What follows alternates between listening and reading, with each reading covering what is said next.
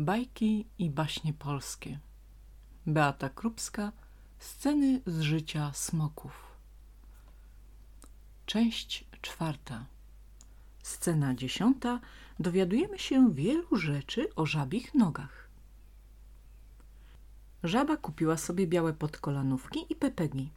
Włożyła je natychmiast i zaczęła przechadzać się po polanie.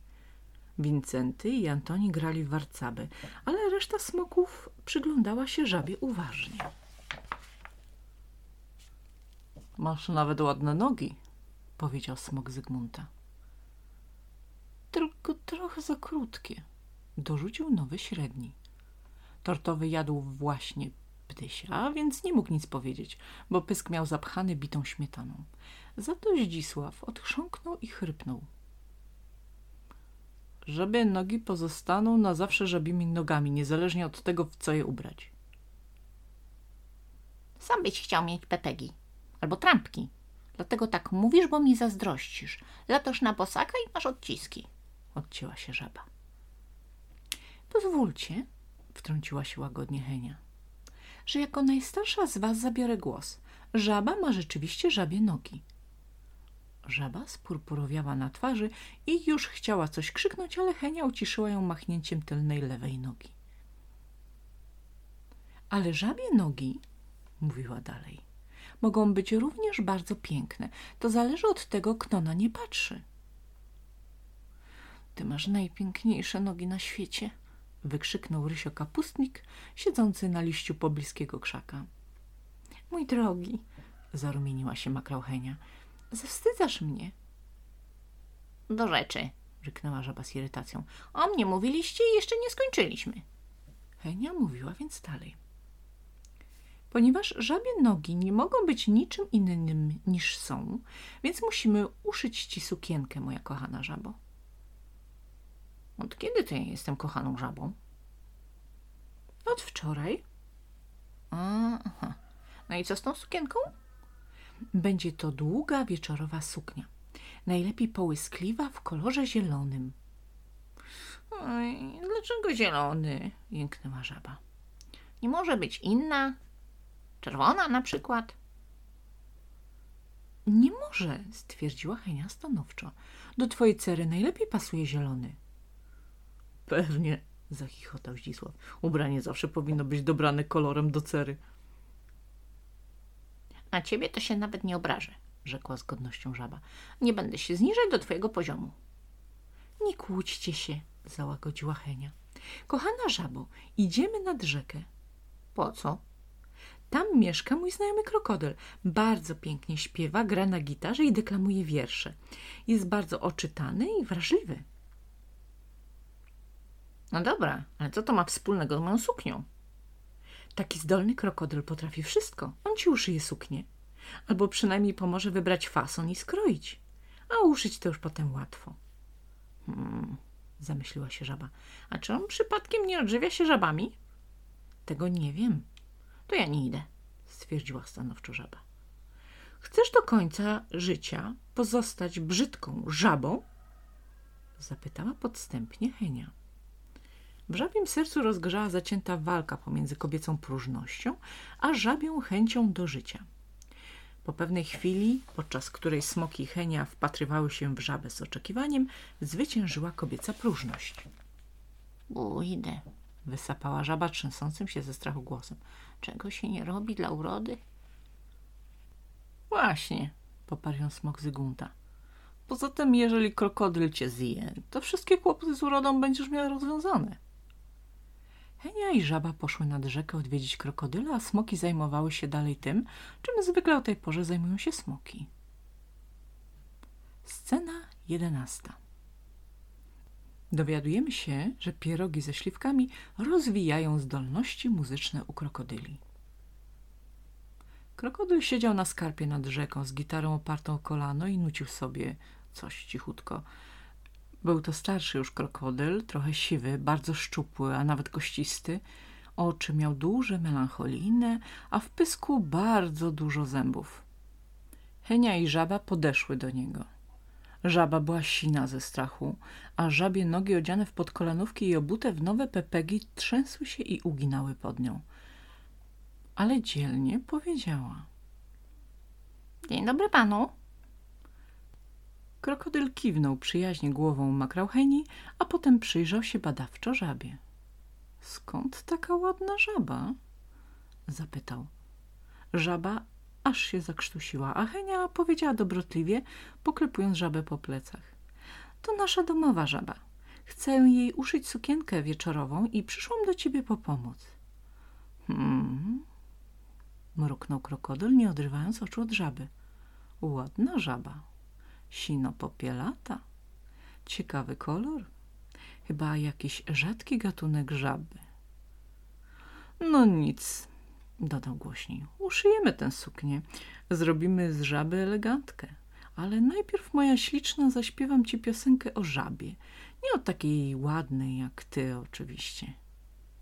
Żaba była tak oszołomiona pochwałami, że była gotowa wysłać stu piosenek, o czymkolwiek. Usiadła na trawie obok Heni, a krokodyl zaczął śpiewać.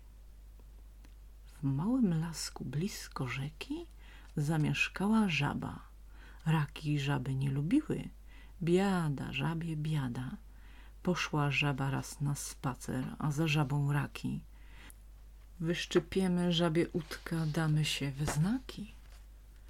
Na to żaba się podparła pod żabie bioderka. Wyszczypcie, jak złapiecie, zabawmy się w berka. Pobiegały, potupały, szybsza była żaba, raki żaby nie złapały, żaba była rada. Teraz raki gdzieś zimują, żaba śpi pod liściem, raki z gry się wycofały, rakiem oczywiście. Och, jaka przepiękna piosenka. Jęknęła z zachwytem żaba. Prześliczna. Sam ją ułożyłeś? Sam, sam. Słowa też sam napisałem, po prostu jestem zdolny. Krokodyl poprawił strunę w gitarze. Ale skoro tak miłe dziewczyny mnie tu odwiedziły, to zaśpiewam wam jeszcze. Ta piosenka nazywa się Krokodyl Blues. Jest o krokodylach. Posłuchajcie.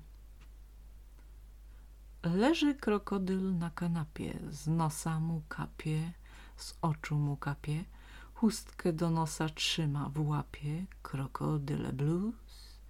Gdybym ja był krokodylem, nie chciałbym mieszkać gdzieś nad Nilem, wolałbym leżeć na kanapie, patrzeć jak łza za łzą mi kapie, krokodyle blues, krokodyle blues. Leży krokodyl na kanapie, na błękitno-czarnej kapie, płacze i płacze, przez nos sapie. Krokodyle blues. Taki już psi los krokodyla, do płaczu dobra każda chwila, kiedy nad Nilem się pochyla krokodyle blues. Gdybym ja był krokodylem, nie chciałbym mieszkać gdzieś nad Nilem, wolałbym leżeć na kanapie, patrzeć jak łza za łzą mi kapie. Krokodyle blues, krokodyle blues. Zaraz, krokodylu, zaprotestowała Henia. Dlaczego śpiewasz, gdybym ja był krokodylem? Przecież nim jesteś. Bo to śpiewam w trzeciej osobie, nie w pierwszej osobie. Nie upieraj się, moja droga, zmarszczył brwi krokodyl. Pierwszą osobą jestem ja, a każdy, kto nie jest krokodylem, a chciałby nim być, jest trzecią osobą. Niech ci będzie. Czy zaśpiewasz coś jeszcze? Nie, bo zachrypnę. Muszę sobie zrobić przerwę i napić kawy ze śmietanką, a potem obiad. Tu krokodyl spojrzał na żabę. Żaba natychmiast zrobiła się znów popielatosina ze strachu i skuliła się w mały kłębuszek. Czy zjesz ze mną obiad? Zapytał ją krokodyl. Żabie zimny pot wystąpił na czoło, trzęsącym się głosem zapytała. A co będziemy jedli? Pierogi. Z czym? Dopytywała się dalej żaba, bliska już omdlenia. Ze śliwkami, czyli knedle, lubisz? Bardzo lubię. Nawet sobie nie wyobrażasz, jak bardzo. Od dziś to będzie moje ulubione danie. Henia powiedziała trochę urażonym głosem. Makrauchenie również lubią knedle. To też będą jadły, roześmiał się krokodyl. Niech się uspokoją, starczy dla wszystkich. Scena dwunasta. O rozwiązywaniu bardzo ważnych problemów za pomocą nauszników z owczej wełny. W tydzień później krokodyl przybiegł na polanę, dźwigając w ramionach wielkie pudło. Postawił pudło na trawie, usiadł obok niego i krzyknął – Żaba do mnie! Żaba podbiegła w podskokach i kucnęła obok. Krokodyl wyjął z pudła czerwoną, aksamitną sukienkę. Sukienka była długa, z bufkami, obszyta u dołu złotą nitką. Żaba o nie miała zachwytu. – Krokodylu! – jęknęła. – Skąd wiedziałeś, że czerwony to mój ulubiony kolor? Męska intuicja oraz zdolność wczuwania się w żabią psychikę – odparł skromnie krokodyl. Żaba chwyciła sukienkę drżącymi łapkami i pobiegła przebrać się za pobliskim krzakiem. Kiedy po dłuższej chwili wyszła z za krzaka, nawet smoki znieruchomiały z wrażenia. Nie padła ani jedna zgryźliwa uwaga. Żaba naprawdę wyglądała bardzo ładnie. Widzicie? powiedziała Henia z dumą do smoków. Każda kobieta może być interesująca, jeśli zechce. A jak wy wyglądacie? Henia spojrzała na smoki badawczo – Antoni i Wincenty mają brudne włosy. My nie mamy włosów, zaprotestowały smoki. Ale są brudne, ciągnęła nieubłaganie Henia. Nowy średni ma piach na pysku. Chyba się dziś w ogóle nie myłeś. Smok Zygmunta ma pamiętą kokardkę, a Zdzisław obgryza paznokcie u nóg. Żaba też obgryza paznokcie, warknął Zdzisław. I dobrze, broniła żaby makrochenia. Żaby nie mają paznokci, więc nasza żaba też ich nie chce mieć. Natomiast smok z poobgryzanymi paznokciami u nóg wygląda śmiesznie. Krokodyl pomyślał, że za chwilę wybuchnie kłótnia. Żeby temu zapobiec, nachylił się szybko do pudła i wyciągnął z niego siedem par nauszników. A to są nauszniki dla smoków i dla heni z owczej wełny. Powiedział, podając smokom nauszniki – Smoki pisnęły z radości i zaczęły przymierzać. Krokodyl sięgnął po gitarę i zaśpiewał piosenkę o owczej wełnie i nausznikach.